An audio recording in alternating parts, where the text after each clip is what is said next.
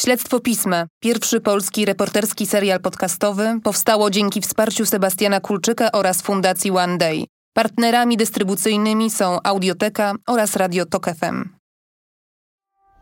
W poprzednim odcinku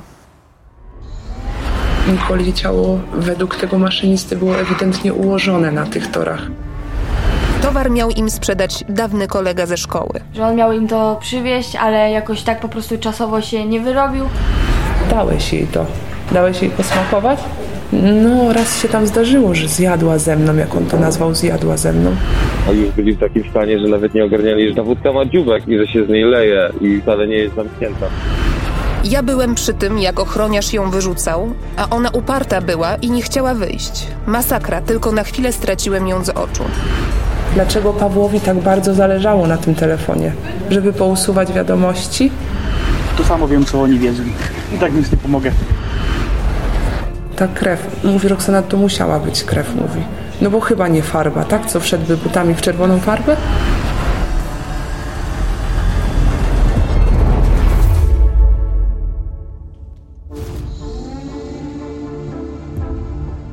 Jedno liceum w niewielkiej miejscowości na Dolnym Śląsku, jeden rok i trzy zagadkowe śmierci. Co łączy Nikolę, Julię i Kamilę? Czy to przypadek, że wszystkie chodziły do tej samej szkoły? Nazywam się Barbara Sowa, a to jest Śledztwo Pisma. Reporterska historia opowiadana tydzień po tygodniu. Odcinek czwarty. Dziewczyna z Narni. Aby poznać głównych bohaterów drugiego sezonu i w pełni zrozumieć tę historię, zacznij słuchać od pierwszego odcinka. Imiona niektórych rozmówców zostały zmienione. Pierwszą podróż do Bogatyni, skąd pochodziła Julia, trzecia bohaterka śledztwa, pojechałam na początku lutego. Spotkałam się z Krzysztofem Suszczyńskim, szefem tamtejszej Ochotniczej Straży Pożarnej. Jego strażacy pomagali w poszukiwaniach dziewczyny. Suszczyński wyjął sfatygowany zeszyt formatu A4, w którym zapisuje raporty z każdego wyjazdu i zaczął czytać. od godziny 15.07 do 21.19 trwały poszukiwania, znaczy zakończone działania. O, bo żeśmy ją wcześniej, wiadomo, znaleźli, a później czynności prowadziło, wiadomo, policja, technik policyjny, prokurator i tak dalej, ewakuacja z tego miejsca tej osoby. Także nasze działania, podejrzewam, że to się zakończyło gdzieś w granicach, już była jako odnaleziona no to trzeba tutaj dodać co najmniej z dwie godziny, także myślę, że to była 18 po 18. Czasie poszukiwań to my byliśmy cali przemoczeni, jeszcze obsypani śniegiem. Julię znaleziono w małym zagajniku, na rozległych łąkach, które okalają miasto od południowej strony. Tego dnia nie zdążyłam spotkać się z rodzicami Julii. Jeszcze przed rozmową w remizie odebrałam SMS-a z Rządowego Centrum Bezpieczeństwa z ostrzeżeniem o silnym wietrze i możliwych przerwach w dostawie prądu. Jeśli możesz, zostań w domu, napisali. Od miejsca, w którym się zatrzymałam na noc, dzieliła mnie godzina drogi. Gdy wsiadałam do auta, orkan Sabina dopiero się rozkręcał. Ostatni odcinek przez jodłowy las za Rębiszowem pokonałam z trudem. W szybę dudniły spadające patyki, auto smagały gałęzie pochylające się niemal do ziemi. Różne myśli kłębiły mi się wtedy w głowie. Zastanawiałam się, jak we właściwy sposób opowiedzieć ci o losach Kamili, Nikoli, a teraz Julii. Jak pogodzić chęć rzetelnego i pełnego przedstawienia wszystkich okoliczności z troską o bliskich każdej z dziewczyn? W którym miejscu się zatrzymać, a co jednak przytoczyć, bo jest ważne, choć bardzo osobiste i poruszające. W końcu w przypadku Kamili, Julii, ich kolegów i koleżanek mówimy o osobach, które niedawno skończyły 18 lat albo nadal są niepełnoletnie. Dzieciakach, choć one same tak o sobie nie myślą. Odtwarzając losy osób, które podjęły próby samobójcze, łatwo przekroczyć cienką granicę. Zdawałam sobie sprawę, że śledztwa słuchać będą rodzina, bliżsi i dalsi znajomi, a może również osoby, którym towarzyszą myśli samobójcze. Że ta historia może mieć wpływ na ich decyzje. Odpowiedzialność była ogromna. Nie byłam na to gotowa. Czułam się samotna i przytłoczona. Bałam się. Nie samej wichury, Dużo większy niepokój wzbudzały historie, których słuchałam od kilku tygodni i te, które jeszcze na mnie czekały. Podświadomie zaczęłam szukać wymówki, żeby przerwać śledztwo i już do niego nie wracać. I znalazła się. Wybuchła pandemia, która uniemożliwiła zbieranie materiałów. Z początku poczułam ulgę, ale tragedie dziewczyn uparcie do mnie wracały. Nie dawały mi spokoju pytania, które pozostały bez odpowiedzi. Dręczyły systemowe luki i problemy, które widać było jak na dłoni. Myślałam też o bliskich dziewczyn, którzy mi zaufali, bo traktowali śledztwo jako ostatnią szansę na to, by dowiedzieć się prawdy o ich śmierci. Gdy tylko rząd złagodził obostrzenia, wróciłam na Dolny Śląsk, by dokończyć to, co zaczęłam. Julia mieszkała w Bogatyni. Miasto leży na styku trzech granic polskiej, czeskiej i niemieckiej. Owiane jest złą sławą, jako przygraniczne siedlisko korupcji i raj dla narkotykowych gangów handlujących metamfetaminą. To dlatego nazywane jest krainą bajek czy pikolandią, od piko, jak slangowo nazywa się ten narkotyk. Gdybym przed wyjazdem nie przeczytała dziesiątek tekstów i nie obejrzała reportażu superwizjera, który pokazywał kulisy narkotykowego procederu, pewnie zobaczyłabym przygraniczną mieścinę z unikatową łużycką architekturą, przyklejoną do gigantycznej kopalni węgla brunatnego i elektrowni, które żywią połowę mieszkańców regionu. Dom Julii nie trudno znaleźć. Na dole mieści się sklep. Piętro obite ciemnobrązowym drewnem pokrywa nowa, czerwona blachodachówka. Gdy przyjechałam na miejsce, w drzwiach sklepu stała sprzedawczyni. Obserwowała mnie bacznie, w końcu powiedziała: Pani do nas. Przedstawiła się i od razu poprosiła, żebyśmy przeszły na ty. To była mama Julii, Anna. Miała jasne, krótkie włosy i podkrążone, smutne oczy, które co chwilę zachodziły łzami. Przed Anną w sklepie pracowała jej babcia. Babcia mnie wychowała. To była moja zawsze mama. Teraz sobie uzmysłowiłam, że co roku coś się dzieje, nie ktoś mi umiera. W jednym roku babcia, później koty i Julka. Tak mi się wszystko posypało od tego czasu. Anna dorastała wśród sklepowych półek.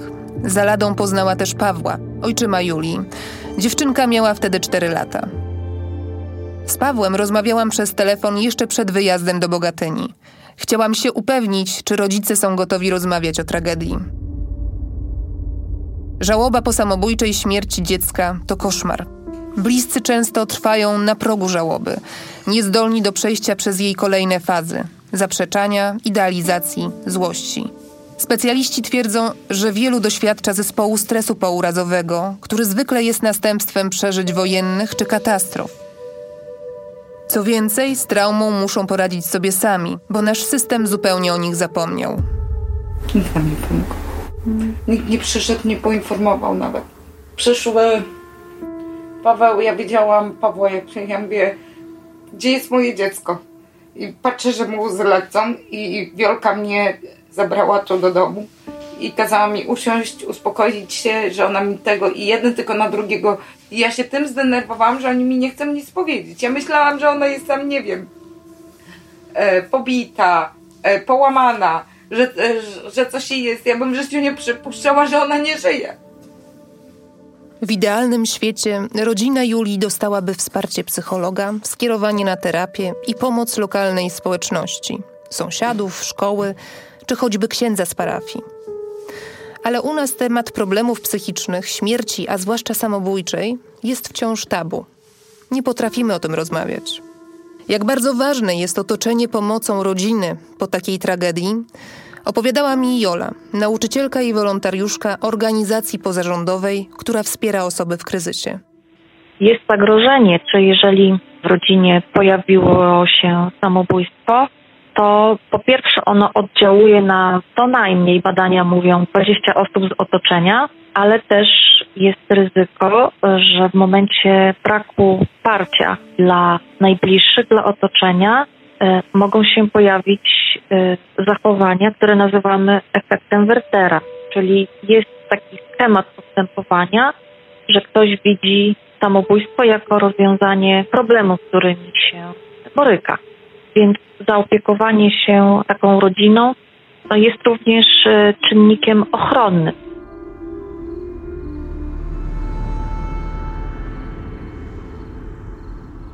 Wróćmy do rozmowy z rodzicami Julii. Anna długo zwlekała, zanim zdecydowała się założyć z Pawłem rodzinę. Nie chciała się wiązać. Miała za sobą małżeństwo, które mąż zamienił w piekło. Był uzależniony od narkotyków. Bił ją, nawet wtedy, gdy spodziewała się dziecka.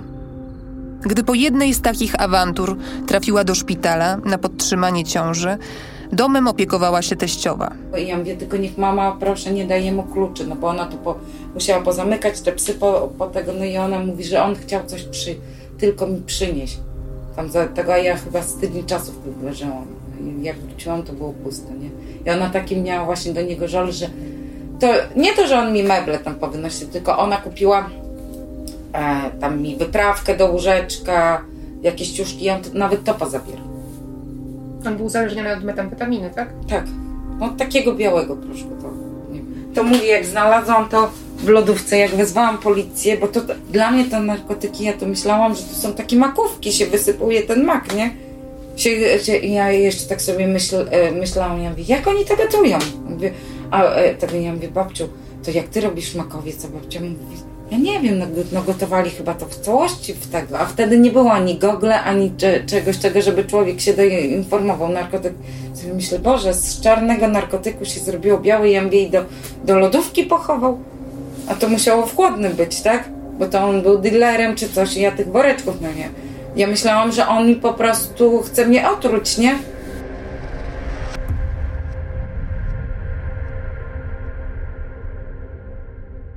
Przez lata Julia myślała, że to Paweł jest jej ojcem. Prawdy dowiedziała się od koleżanki z podwórka. Miała wtedy 6 czy 7 lat. Długo miała rodzicom za złe, że zataili przed nią ten fakt. Julia spotkała się z biologicznym ojcem, gdy była już nastolatką. Ona się z nim raz spotkała, jak tam wyszedł z więzienia. W gimnazjum była. Tak mi się wydaje. Ja nie wiem, on już tyle razy siedział, tyle razy wychodził, że ja już się pogubiłam po prostu, jaki to był wiek, nie?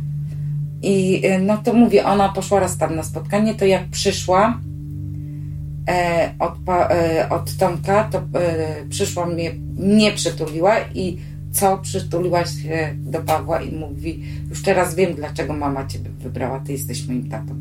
To ja myślałam, te, ten taki herszt i w ogóle facet, który wydaje mi się bez uczuć, tak, tak dużo ludziom się, jemu łzy po prostu pociekły. Ojczym Julii, Paweł, w koszulce z napisem Easy Rider, czarnych bojówkach i tatuażach, które pokrywają niemal całe przedramiona, wyglądał jak członek zespołu rockowego. Albo mechanik z ekipy Pimp My Ride. Ten program nadawany w MTV przywołuje nie bez kozery. Na małym podwórku przed domem stał wiśniowy motocykl Suzuki Intruder i samochód terenowy, a ze ściany garażu niczym poroże wystawała kierownica od chopera. Wokół sprayem namalowano nazwy zespołów: Jam, TSA, Cat. Paweł jest typem złotej rączki, pracuje jako mechanik. W przeszłości miał problem z alkoholem, ale od kilku lat nie pije. Na Pawła mówią sadza. Ich starszy syn opowiadał, że to z powodu pożaru, z którego tata wyszedł umorusany sadzą. Choć Anna żartowała, że prędzej od taniego wina, które miało taką nazwę. Jest, bo jest. Bo jestem ciemnej karnacji. Zawsze zadymiałem. Skąd się w ogóle wzięła ta motocyklowa zajawka? Nie wiem, od zawsze kochałem motory takie. 13 lat miałem jak pierwszego komarka poskładałem. Powiem tak, lepiej jeździć jak ćpać. Z rodzicami Julii siedzieliśmy w kuchni, która niedawno przeszła remont. Nowa lodówka, zmywarka, szafki na wysoki połysk. Remont wymusiła powódź. W 2010 roku, gdy pół Bogatyni zalała przepływająca przez miasto rzeka Miedzianka, dom praktycznie się zawalił. Do środka wdarła się woda. Pękła belka podtrzymująca strop. Dach się zapadł jak domek z kart. Annę i dzieciaki ratowała straż pożarna. Julia miała wtedy 8 lat. Anna wspomina, że po powodzi ich dom miał zostać wyburzony. Przyjechali z tą kulą. Tu Julkę e, e, tego już umyłam i położyłam na, na, na materacu. I mówię, że ja stąd nie wyjdę. Anna nie zgodziła się na wyprowadzkę. Choć potem żałowała, bo pomimo remontów problemy z wilgocią powracały. Mama Julii opowiadała też, że sama długo nie mogła wyleczyć się z popowodziowej traumy. Ja miałam tak, że na przykład jak zaczął padać deszcz, to ja się tak już bałam, już leciałam po dzieciaki, a jak były w szkole, to już panikowałam, czy w szkole dzwoniłam wtedy do szkoły, czy oni są na pewno bezpieczni i czy tam nie ma wody, nie? Wątek strachu o dzieci i nadopiekuńczości powracał wiele razy w naszej rozmowie. Julia, całe życie próbowała mnie chronić. Żebym ja się nie zdenerwowała, nie wiem, nie płakała, nie była smutna. To ja powinnam. I zawsze ja mówię, dziecko, ty przeję, ty chcesz prze, tego e, rolę matki. Ja mówię, tak nie może być. Dlaczego ty mnie tego e, tak chcesz chronić? Muszę z tobą porozmawiać. Zarzucała mi, że jestem nadopiekuńcza, bo na przykład wyszła, to ja już za, za jakieś 20 minut, a, a co, a gdzie jesteś? A no po prostu taka byłam, taka jest. Buntowała się, buntowała się, że mamo daj już spokój, już nie wydzwaniaj, bo koleżanki się ze mnie śmieją. E, To się umówiliśmy właśnie po którejś tam tego, ja mówię, to chociaż mam mnie szczałeczkę puszczaj albo SMS-ika, że jest wszystko. Przyrzekam, że już nie będę e, tego. Mamo, fajna impreza, a ty dzwonisz, jak te, tego. E, A jak się nie odezwę, to ty już policję robisz, zamieszanie, szum, tak wypowiedzisz, bo mamusia się, te, bo ty oglądasz te bzdury, a później sobie wyobrażasz. Ja mówię, dziecko, no, no bo ja jestem mamą, tak? No to kto się ma o ciebie martwić, jak nie mama? No to Często ci się zdarzało wcześniej policję zawiadamiać, że, że Julka zginęła? raz. Raz y, y, tego, bo się właśnie nie, y, nie odezwała i już się zdenerwowałam. No i oczywiście zamiast usiąść spokojnie przemyśleć, to ja już robię, bo już miałam już scenariusze, że, że dziecko gdzieś jest tam, nie wiem, przytrzymywane, coś jej się stało, co, co, coś jej robią, wywieźli, wy, nie wiem, zabijają, gwałcą. No, no nie odezwała się no wtedy. No później ją przepraszałam, że zrobiłam takiego szumu, no ale... Anna zaprowadziła mnie do pokoju, który Julia nazywała narnią. Dlaczego? Zrozumiałam, gdy tylko przekroczyłam próg. Wchodzi się do niego przez wejście, otoczone masywną drewnianą futryną. Ale w środku widać, że drzwi znajdują się w otworze wyciętym w plecach szafy. Kiedyś drzwi z korytarza zabudowano meblościanką. Gdy pokój zajęła Julia, stare wejście odsłonięto, wycinając wnękę w szafie. Półki uginały się od książek. Oprócz emancypantek Bolesława Prusa, ewidentnie z poprzedniej epoki, większość to nowe pozycje. Widać, że Julia lubiła kryminały i thrillery. Na półce obok Kerry Stephena Kinga był behawiorysta Remigiusza Mroza, Metro 2033 Dmitrija Głuchowskiego, kilka kryminałów Hakana Nessera. Moją uwagę zwrócił plakat powieszony na różowych ścianach. Mroczny, przywodzący na myśl obrazy Zdzisława Beksińskiego. Reklamował grę Dying Light, w której walczysz o przetrwanie w tureckim mieście opanowanym przez zombie. Julia lubiła mroczne historie. Apokalipsa, zombie, wampiry to były jej klimaty. Wcześniej w gimnazjum nałogowo grała w Simsy. Gdy wychodziła nowa wersja, potrafiła całymi dniami nie wychodzić z pokoju. Z Pawłem z kolei grali w strzelanki. Graliśmy często wojenne gry. Warface. No, to wszystkie gry takie wojenne. Trochę z motorami się interesowała. Ale chciała prawko zrobić? Czy chciała prawko? To nie wiem, czy chciała. No na pewno chciała jeździć. Jaki ty miałeś kontakt z Julką? Dobry. Ona ci opowiadała o sobie? Tak. Opowiedziała ci o problemach? No więcej niż matce na pewno.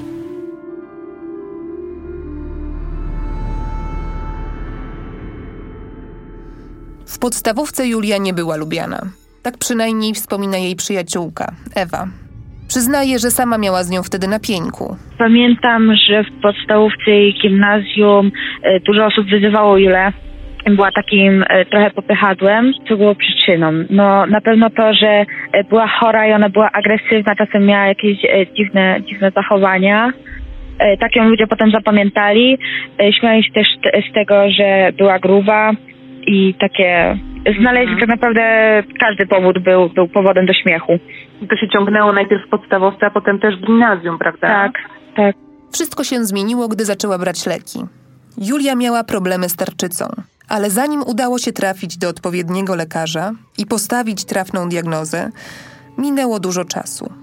U chorych na nadczynność lub niedoczynność tarczycy występują objawy bardzo podobne do symptomów chorób afektywnych, czyli depresji i choroby dwubiegunowej. Niedługo potem Julia zaczęła coraz lepiej radzić sobie w nauce. Do tego stopnia, że w pierwszej klasie gimnazjum dostała stypendium Fundacji imienia Jerzego Szmajdzińskiego, która pomagała zdolnym uczniom w regionie. W sieci nadal można znaleźć zdjęcia ze spotkania Julii z prezydentem Aleksandrem Kwaśniewskim i z warszawskiej wycieczki. Posłuchaj Ewy. Ona była jedną z najlepiej uczących się w klasie. Miała tak świetne oceny. Ja zawsze się dałam przy niej, żeby mi dała pościągać trochę. Bo naprawdę, te, takich ocen to tylko pozazdrościć. E, Ja książek nie czytam, ale e, Jula przeczytała chyba całą szkolną bibliotekę. Bardzo dużo czytała i bardzo dużo mówiła o książkach. Taki trochę mól książkowy, cały czas była w książkach. Jak e, na przykład byliśmy w szkole, w gimnazjum, e, inni się gdzieś tam bawili czy wychodzili, to Jula siadała gdzieś tam w kącie i właśnie brała książkę i czytała. Jaka była Julia? Według Ewy zawsze gotowa była wysłuchać jej problemów. I wdała się w bijatykę w jej obronie. Była taka dziewczyna, która mnie bardzo, bardzo, bardzo nie lubiła. Wtedy to w sumie poszło o to, że e, na Facebooku ona mi dała e, reakcję haha pod zdjęciem i ja też jej dałam reakcję haha pod zdjęciem i ona wtedy jak mnie atakowała, to mówiła, że mam usunąć e, to haha, bo ona sobie tego nie życzy, coś tam, coś tam. Później podeszła do mnie bliżej, byłyśmy no, twarzą w twarz i e, gdzieś tam e, podniosła na mnie rękę i właśnie Jula wykroczyła, e, zaczęła coś tam właśnie do niej mówić i, i zaczęła się bić właśnie z tą, z tą dziewczyną. Jula broniąc mnie. Ta dziewczyna, która mnie nie lubi, ona jest y, duża i silna i ona gdzieś tam zaczęła, usiadła na, na Julę y, i zaczęła ją y, mocno bić i nie pamiętam jak Jula z tego wyszła, wiem, że później uderzyła jej głową y, o chodnik i ta dziewczyna odeszła. Y, zgubiła przy tym swoje naszyjniki, więc pomagaliśmy jej szukać potem tych naszyjników i y, ja się jej pytałam, ona nie miała jakichś tam wielkich obrażeń czy, czy coś takiego. Pamiętam, że była poturbowana, włosy roztrzepane, y, gdzieś y, ziemia na twarzy i tak dalej. Jej pytałam, czy y, nic jej nie jest, czy wszystko w porządku, jak się czuje, zaczęłam jej dziękować i tak dalej, a Jula powiedziała do mnie, ja chcę jeszcze raz. Paweł, ojczym Julii, przyznał, że zdarzyło się parę razy, że był wzywany do szkoły z powodu jej zachowania. Ale on nie potępiał tego, że potrafiła walczyć o swoje. Zawsze jej mówiłem, że nie ma ciągania za włosów, nie ma. Po prostu masz ręce, dostajesz jeść. No i przez to byłem wzywany do szkoły. No, jak trzeba było przywalić, no to przywaliła. No. Gdy po raz pierwszy byłam w pokoju Julii, na biurku leżały należące do dziewczyny szpargały, zeszyty kosmetyki. Obok pięknego kaflowego pieca, pod jedną z pomalowanych na różowo ścian, rzucały się w oczy worki. Matka spakowała jej ubrania. Jeszcze jej kosmetyki kupiłam, nie? Czekają na rozpakowanie. A tu to się zezłościłam na nią, bo powiedziałam, że ją spakuję. Jak nie chce wracać, to ma przyjść po te rzeczy. I one czekają na nią. Ma przyjść i rozpakować. Anna nie pogodziła się z tragedią. Ja tu się boję, że ona wróci i powie, że no i co, przyłapałam cię. Że jej kwiatki podlać, Jezus. Przyjdzie do mnie, skrzyczy, nie? Mama Julii opowiadała mi o Jacku, chłopaku córki. Jacek jest sporo starszy, ma 26 lat. Julia poznała go kilka miesięcy przed śmiercią, ale do niego jeszcze wrócę. Anna wspominała, że Julia pisała pamiętnik, ale zaginął. Choć razem go szukałyśmy, nie mogłyśmy go znaleźć. I gdzieś na marginesach coś sobie. Nie musiałam to zostać, bo to wszystko jej pismo, nie? O tu chyba to. Pamiętniczku, nie to jak była mała. Gdzieś tu z tego szmajdzińskiego, jak była na tej we Warszawie. Tu dyplomy. Pokazała mi świadectwa. Szóstki, piątki, zachowanie wzorowe i 100% frekwencji.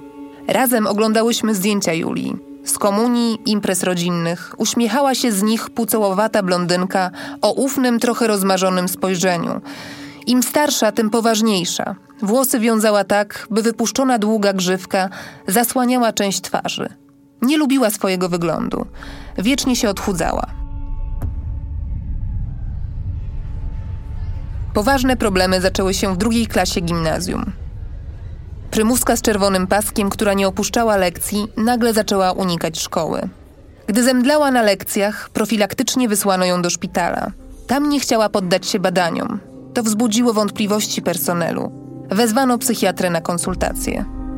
Ostatecznie u dziewczynki zdiagnozowano depresję. Anna opowiadała, że córka była przygnębiona. Nie radziła sobie z emocjami. Bywała agresywna. Raz, kiedy matka próbowała ją przytulić i uspokoić po jednej z kłótni, Julia wpadła w szał. Zaczęła ją bić kijem od szczotki. To były pierwsze miesiące 2017 roku.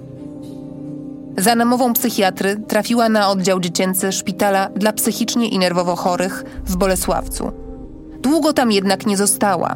Któregoś dnia dwoje podopiecznych zaatakowało pielęgniarkę i uciekło. Jeden z nich rozciął kobiecie gardło kawałkiem rozbitej szyby. Dziewczyna była ponoć świadkiem tej sceny. Rodzice natychmiast wsiedli w auto i pojechali po Julię. Wypisali ją na własne życzenie.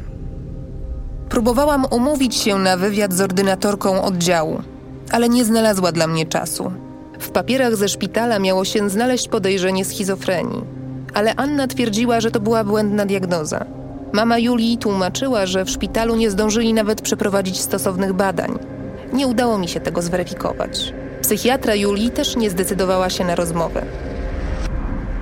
Julia jeździła na wizyty do odległej o niecałe 12 kilometrów Sieniawki, ale po wyborach samorządowych jej psychiatra została radną. Julia miała zmienić lekarza. Anna nie pamiętała, kiedy córka odbyła ostatnią wizytę. Wspominała, że jeździła tam niechętnie. Wstydziła się. O tym, że się leczy, nie powiedziała przyjaciołom. Sieniawka w tamtych okolicach nie kojarzy się dobrze. Kiedyś straszono dzieci miejscowym zakładem psychiatrycznym. I choć liczba osób z zaburzeniami psychicznymi w Polsce rośnie, podobnie jak świadomość na ten temat, to wciąż żywe są stereotypy i strach.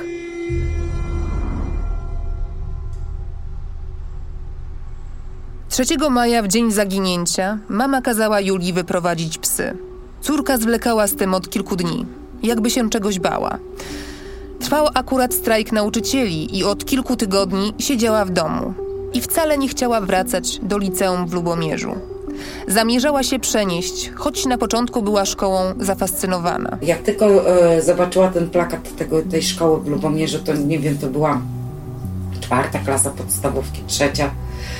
E, I cały czas, ja myślałam, że przez tyle lat jej się wybiło z głowy ten pomysł. Gdzie ten, no, ja miałam gdzie, córeczkę, gdzieś tego, ja sobie nie wyobrażam, jak ona mi o, o studiach mówiła, że ona wyjedzie, nie? Ale interesowała się właśnie takim, wiesz, wojskowym, e, wojskowymi historiami? Ona nie mundurem tak strasznie.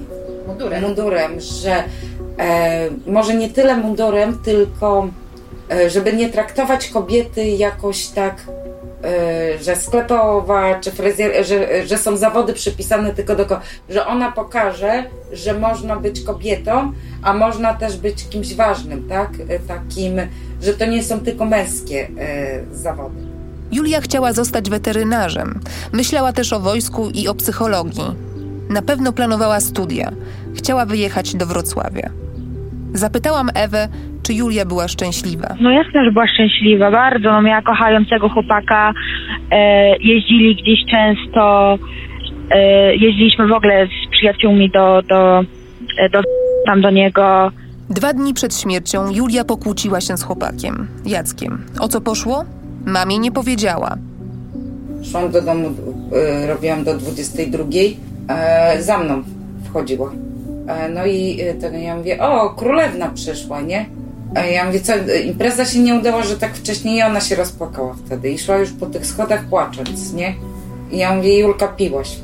Nie będę z tobą rozmawiała do, do te, tego. Proszę iść do swojego pokoju i położyć się e, tego, ale zapaliłam papierosa, przeszłam ten korytarz kilka razy, zaglądałam tam do niej, uspokoiłam się i ja mówię, córcia, ale co się stało, bo ja ją dalej widziałam, jak ona siedziała e, na łóżku i płakała, nie?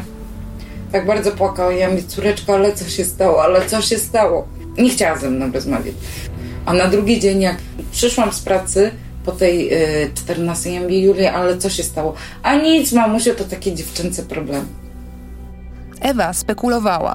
Nie, nie, to nie były jakieś poważne kłótnie. To e, pamiętam, że to było tak na przykład, że e, jak byliśmy u właśnie e, to podeszliśmy sobie do osobnego pokoju, e, otworzyliśmy sobie okno, zaczęłyśmy rozmawiać i ona mi właśnie mówiła, że e, gdzieś tam mocno naciska na rodzinę i na przyszłość, bo no wiadomo, on jest starszy i zaczął, no wiadomo, tak o czysto teoretycznie mówić o, o ślubie i tak dalej i ją to trochę przerażało. Ewa wspomniała też, że dwudziestoparolatek i jego koledzy bawili się w kult szatana.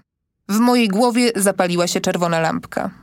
Oni słuchają właśnie ciężkiego metalu, y, wszyscy w glanach, y, właśnie te Szatan i, i różne tak, takiego typu.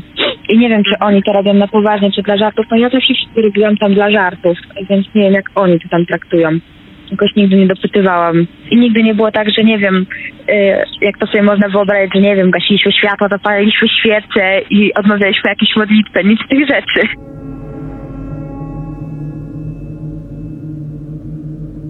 Z Jackiem po raz pierwszy rozmawiałam w maju przez telefon. W czym ci Julia ujęła? To jak to, ale już nie można było u- uroku osobistego odmówić. Ja była pora zdecydowana, stanowcza. To jest taki e, element na plus, ale nic mnie tak nie ujęło jak po prostu jej niewinność. To było takie. Druga sprawa to też nie należała do brzydkich osób. No nie wiem, Ona sama moje- nie uznawała się chyba za ładną, prawda? Miała Tak, jakieś problemy. tak. Ale kurde, jeżeli chodzi o mnie, to, to było coś pięknego. No i też kombinacje. Ja po prostu lubię dziewczyny z fantazją, a jej tej fantazji nie brakowało. Umówiłam się z nim na spotkanie na początku czerwca. Chciałam go poznać lepiej i zrozumieć. To on i jego koledzy mieli największy wpływ na Julię w ostatnich miesiącach przed śmiercią. Jacek to szczupły i wysoki brunet z kucykiem.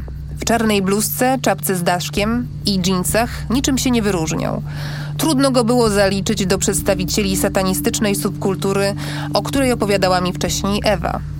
Gdy zapytałam o to, zaśmiał się i powiedział, że chodzi zapewne o muzykę, której słuchają z kolegami. Muzycy death metalowi często wykorzystują motywy satanistyczne, a on lubi ten gatunek. Jacek przyznał, że kiedyś był gorliwym katolikiem, tak jak Julia, która jeszcze w 2016 roku była na spotkaniu z papieżem podczas Światowych Dni Młodzieży. Dziś wyznaje wiarę przodków i jest rodzimowiercą, czyli kultywuje przedchrześcijańskie wierzenia Słowian. Z Jackiem spotkaliśmy się niedługo przed nocą świętojańską. Miał ją spędzić z kolegami. Dziewczyny aktualnie żaden z nich nie miał, więc wianków nie planowali zaplatać. Ale chcieli wykąpać się w jeziorze i skoczyć przez ognisko. Te rytuały mają zapewnić zdrowie i powodzenie w sprawach sercowych. Julia też interesowała się Słowianami.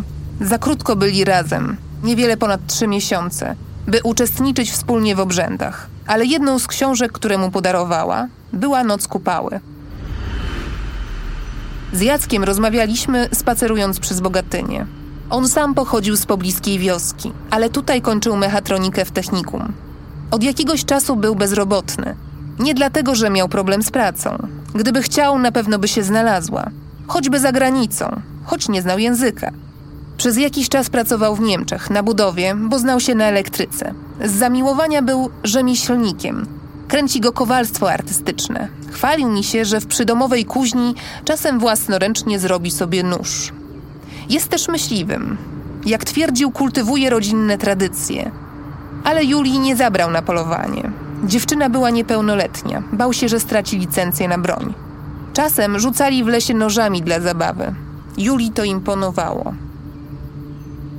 Jacek uważa się za samotnika. Nie ufa innym. Dziewczyn nie rozumie. Ale z Julią było inaczej. Gdy zapytałam go o dużą różnicę wieku, jaka była między nimi, przyznał, że w tej relacji to Julia była dojrzalsza. I to właśnie było takie niesamowite. Mhm. Sposób myślenia Julki tak był inny niż większości osób. To znaczy?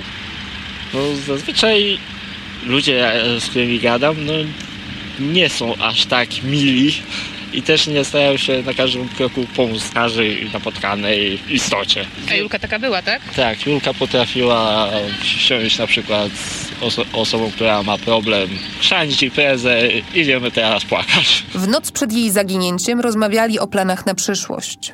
Jacek wspominał o wspólnym mieszkaniu, ale ona chciała studiować we Wrocławiu. Jakby mimochodem powiedziała też, że w ciągu najbliższych 10 lat umrze.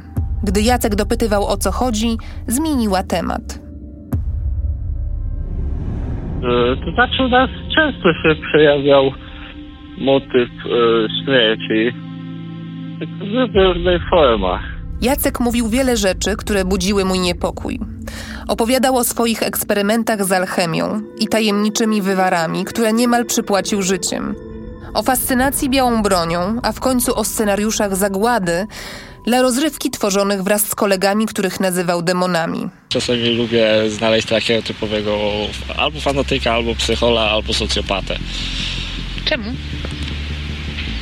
Powiem, że poniekąd ich rozumiem. Że się utożsamiasz? Może utożsamiać to jest za duże słowo, bo żeby się utożsamić, to trzeba mieć mniej więcej te same przygody lub tok myślenia. Na przykład, no nie widziałbym, to znaczy, nie widziałbym sensu zabijania każdej osoby po, po kolei. Bo to jest takie dosyć bez sensu. Jeżeli już miałbym anihilować, to jedną jakąś na przykład konkretną grupę. Czy jako na przykład? Na przykład nie lubię ćpunów, więc e, od nich bym zaczął.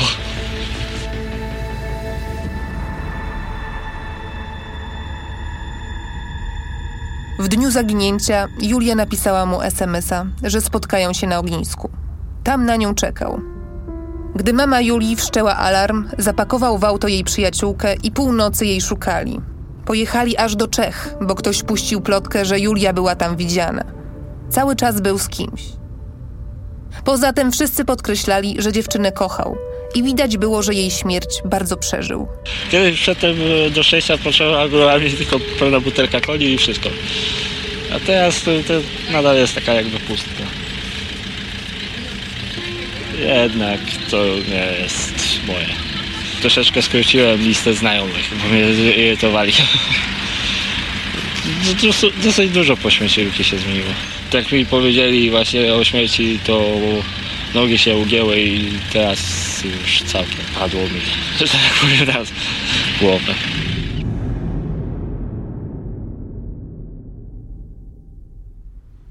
Julia wyszła z domu w piątek, 3 maja 2019 roku, tuż przed godziną 16. Wieczorem miała się spotkać z przyjaciółmi na ognisku.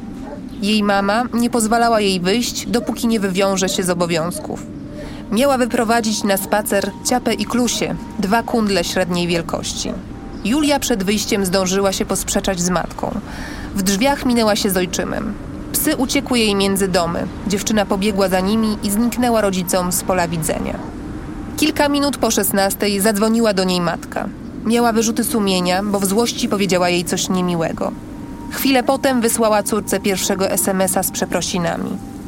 W ciągu pierwszej godziny tych SMS-ów było więcej. Dziewczyna nie odpowiadała i nie odbierała telefonu. Zanim matka udała się na policję, obdzwoniła przyjaciółki córki. Julia nie dotarła na ognisko. Po godzinie 23 policja przyjęła zgłoszenie o zaginięciu. Dziewczynę znaleźli niecałe dwa kilometry od domu. Przy ciele warowały jej psy.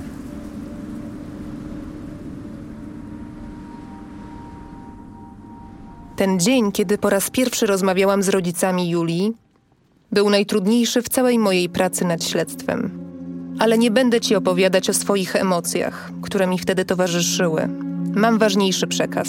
Kryzys może dotknąć każdego z nas, bez względu na to, ilu masz znajomych na Facebooku i pieniędzy w portfelu. Sięgnięcie po pomoc nie jest oznaką słabości, lecz najmądrzejszą rzeczą, jaką można zrobić. Nie wstydź się.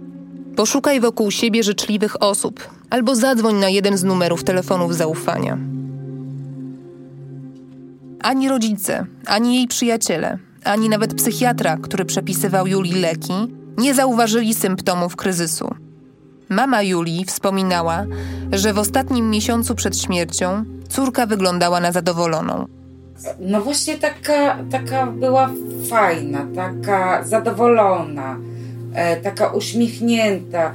Tu tańczyliśmy sobie w kuchni. To mi, e, jak wychodziła gdzieś nawet z koleżankami, to przynosiła mi wianki z mleczów i tańczyliśmy i, i e, gotowała. No, taka normalna była. O Julii rozmawiałam z Lucyną Kicińską, ekspertką Polskiego Towarzystwa Suicydologicznego, pedagogzką, byłą koordynatorką telefonu zaufania. Zwróciła mi uwagę na to, że depresja u dzieci i młodzieży jest najczęściej lekooporna. Powinno się ją leczyć psychoterapią, a leki stosować tylko w określonych przypadkach, starannie je dobierając. Rodzice często nie mają tej wiedzy, podobnie jak nie znają symptomów kryzysu i innych aspektów tej podstępnej choroby. Jest taki też moment już e, u osób, które planują odebrać swoje życie, że w momencie, kiedy one podejmą już tą decyzję, to y, mają taką, taką nagłą poprawę nastroju, bo one są już spokojne i one wiedzą, że za chwilę przestaną się męczyć. I taka, takie pozytywne myślenie, tak, taka, taka zwyżka. I ta zwyżka też oczywiście y, może być taka bardzo duża, a może być o odrobinkę. Natomiast rodzic dziecka, które choruje na depresję, może każdy najdrobniejszy, najdrobniejszą zwyżkę interpretować jako tą ogromną poprawę. No bo też jest taki bardzo czuły, taki bardzo rozsynchronizowany ten rodzic może być, tak? I potem po prostu dziecko raz wyszło, nie wiem, nie wychodziła od miesiąca z domu i wyszła raz, no to już jej depresja minęła, tak? Co powinno wzbudzić nasze podejrzenia? Wszelka zmiana w zachowaniu. Słyszę od Joli, która wspiera osobę w kryzysie. Mogą się pojawić no, różne, różne komunikaty typu, że wszystko jest bez sensu, że jestem niepotrzebna, jestem beznadziejna, nic nie potrafię, e, już dłużej nie wytrzymam, nie daję sobie rady, to mnie przerasta, tak? To są takie komunikaty, gdzie ktoś nie wprost y, komunikuje, że sobie nie radzi. Nawet takie zdanie, nikt mnie nie rozumie, nikt nie rozumie moich problemów, nikt nie jest w stanie mi pomóc. Tak, no to to już są takie komunikaty na pewno alarmujące. No też takim symptomem, e, który powinien zaniepokoić, e, jest to, że na przykład, nie wiem, no ktoś porządkuje swoje rzeczy, że ktoś zaczyna rozdawać jakieś ulubione, ulubione gadżety, czy ktoś mówi o tym, że no jeśli mnie nie będzie, to coś tam. To czasami są niuanse, łatwo je przeoczyć. Tych symptomów jest dużo. Czasem na przykład też e, jest takie pułapkowe myślenie dotyczące nastolatków, że te symptomy są objawem dorastania. A, że to przejdzie, że no, hormony, yy, że młodzi tak mają, że muszą się wyszumieć albo muszą eksperymentować. Yy, to też bywa bardzo mylące. Mm. A tak naprawdę to, to jest oczywiście bardzo często trudne dla dorosłych, y, żeby porozmawiać ze swoim dzieckiem czy z nastolatkiem, bo dorośli często nie umieją rozmawiać z nastolatkami albo się mm. boją. Y, boją się na przykład tego, że jak zapytają, co się dzieje, no to usłyszą y, o jakichś trudnościach, a jak usłyszą, to już trzeba będzie coś z tym zrobić. No ale co zrobić? Co robić, jeśli ktoś w Twoim otoczeniu powiedział Ci, że boryka się z myślami samobójczymi, albo domyślasz się, że ma taki problem? Rozmawiałam o tym z Agatą Poną i Krzysztofem Ślusarkiem, psychologami ze Stowarzyszenia dla Dzieci i Młodzieży Szansa z Głogowa. Dzieci czy nastolatki, jeśli e, pojawiają się gdzieś tam już u nich myśli samobójcze, to oni czasami o tym nie powiedzą a jeśli tak sami z siebie w swobodnej, w swobodnej rozmowie, bo już jest gdzieś to tam naznaczenie tak, że to swobodnie wyjdzie. A czasami wystarczy o to zapytać, żeby uruchomić wszystko, co tam gdzieś się kryje pod spodem. Oni czasami chcą o tym mówić, ale też nie wiedzą jak. I gdy my o tym, o to nie zapytamy, e, tego jakoś tam nie zgłębimy, to pozostaje ich gdzieś tam za kamarkach. I dużo jest takich osób, które naprawdę nie trzeba gdzieś ich tam specjalnie do tego zachęcać. Oni rzeczywiście cały ten gdzieś tam smutek związany z tym, co oni tam przeżywają, wylewają. Ale gdyby to zostało nieruszone, że o, może lepiej tam tego nie, nie dotykać, bo jeszcze coś tam do, do czegoś ich zachęcimy, to oni pozostają z tym, z tym sami. Najważniejsze zdaniem moich rozmówców jest wysłuchanie takiej osoby. My nie oczekujemy jakby jako specjaliści, że się zadzieje nie wiadomo co. Wystarczy, że ta osoba podziękuje temu młodemu człowiekowi, cieszę się, że mi zaufałeś, że to powiedziałeś. To tak bardzo otwiera.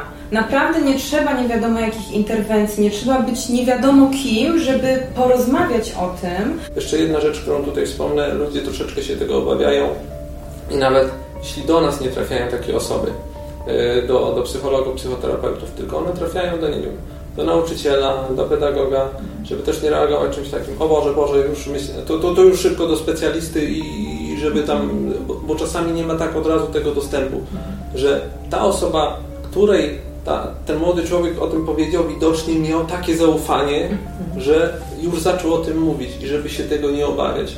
To, że nie jestem, nie wiem, wykwalifikowany specjalistą, to, że tak powiem, to ma tutaj drugorzędne znaczenie. Najważniejsze ta osoba już się już zaufała i zaczęła o tym mówić. I to już jest ta pierwsza deska pomocy, nie żeby tego tutaj tak nie urywać. O, ja tutaj się nie znam i nie wiem, co tu dalej. Jeśli przyjaciel, przyjaciółka zwierzą się z takiego problemu, ważne, żeby nie zostawiać tego dla siebie. Nawet jeśli prosi nas o zachowanie tego w tajemnicy. Ale to jest taka tajemnica, która może zaważyć na tym, że tej przyjaźni kiedyś nie będzie. To też jest bardzo obciążające. Podziel się ty z kolei z, ze swoją koleżanką, kolegą, omówcie, jest dużo większe prawdopodobieństwo, że razem to dźwigniecie, pójdźcie razem, jak e, pojedynkę jest ciężko. Myślę, że tutaj jest e, nie do przecenienia rola telefonów zaufania. Jeśli mogę się do tego specjalisty tam wybrać, czy, czy jakoś skontaktować twarzą twarz, to zadzwoń. To jest tam, czasami daje dużo bardziej poczucie, większe takie poczucie anonimowości czy, czy bezpieczeństwa. E, Jesteśmy trochę po tym zamknięciu. Online'owe wszystkie sposoby troszeczkę się tutaj usprawniły. Skorzystaj z jakiejkolwiek formy. Nie chcesz osobiście, to zadzwoń, nie powiedz co ci dolega. Już mamy wtedy dużo większą szansę na to, żeby tej osobie, tej osobie pomóc.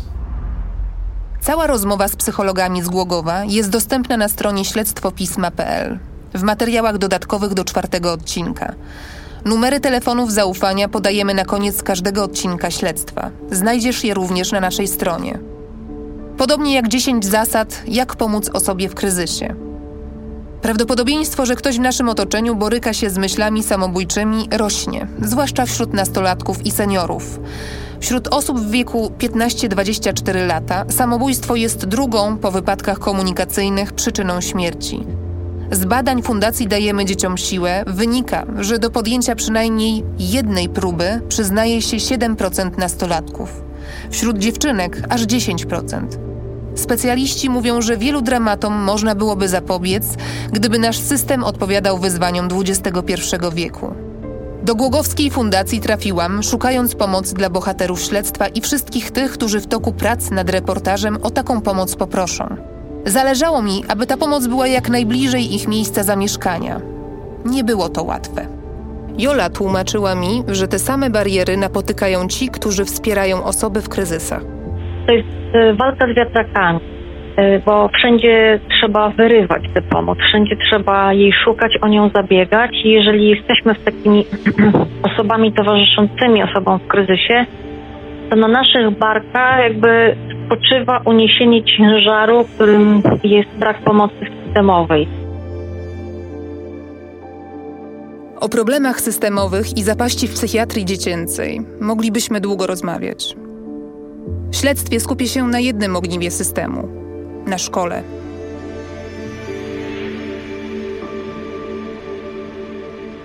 Co się działo w Lubomirskim Liceum i Internacie? O tym opowiem Ci w kolejnym odcinku śledztwa. Dowiesz się też o jeszcze jednym tragicznym wydarzeniu z życia Julii, o którym do tej pory nie powiedziałam. Posłuchaj za tydzień, w piątek.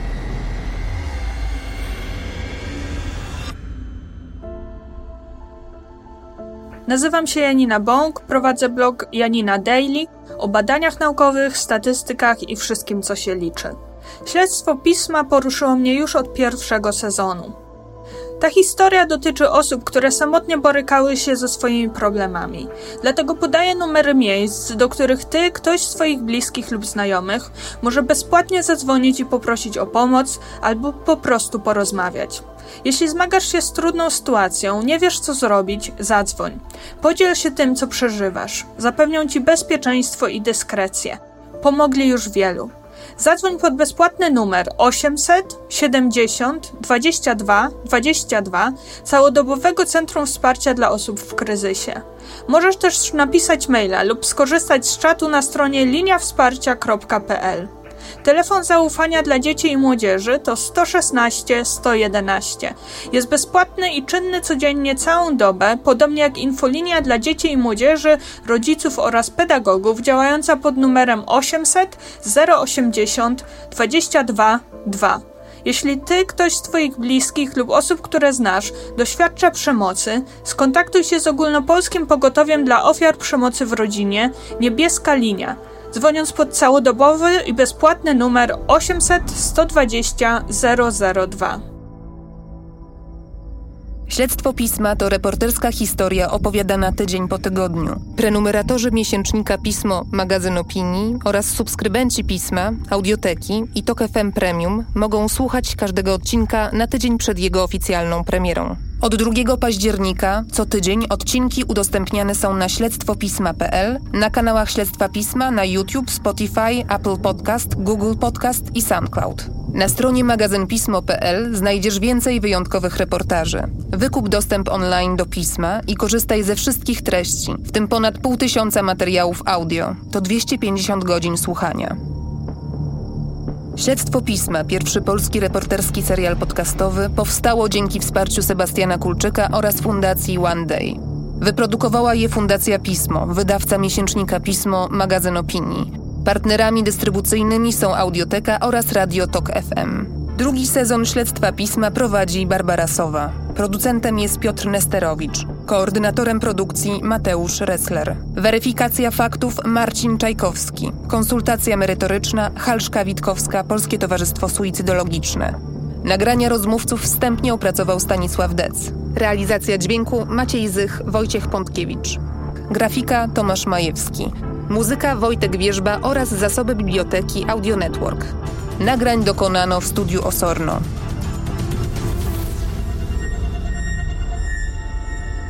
Śledztwo pisma wiele zawdzięcza Monice i Justynie. Dziękujemy.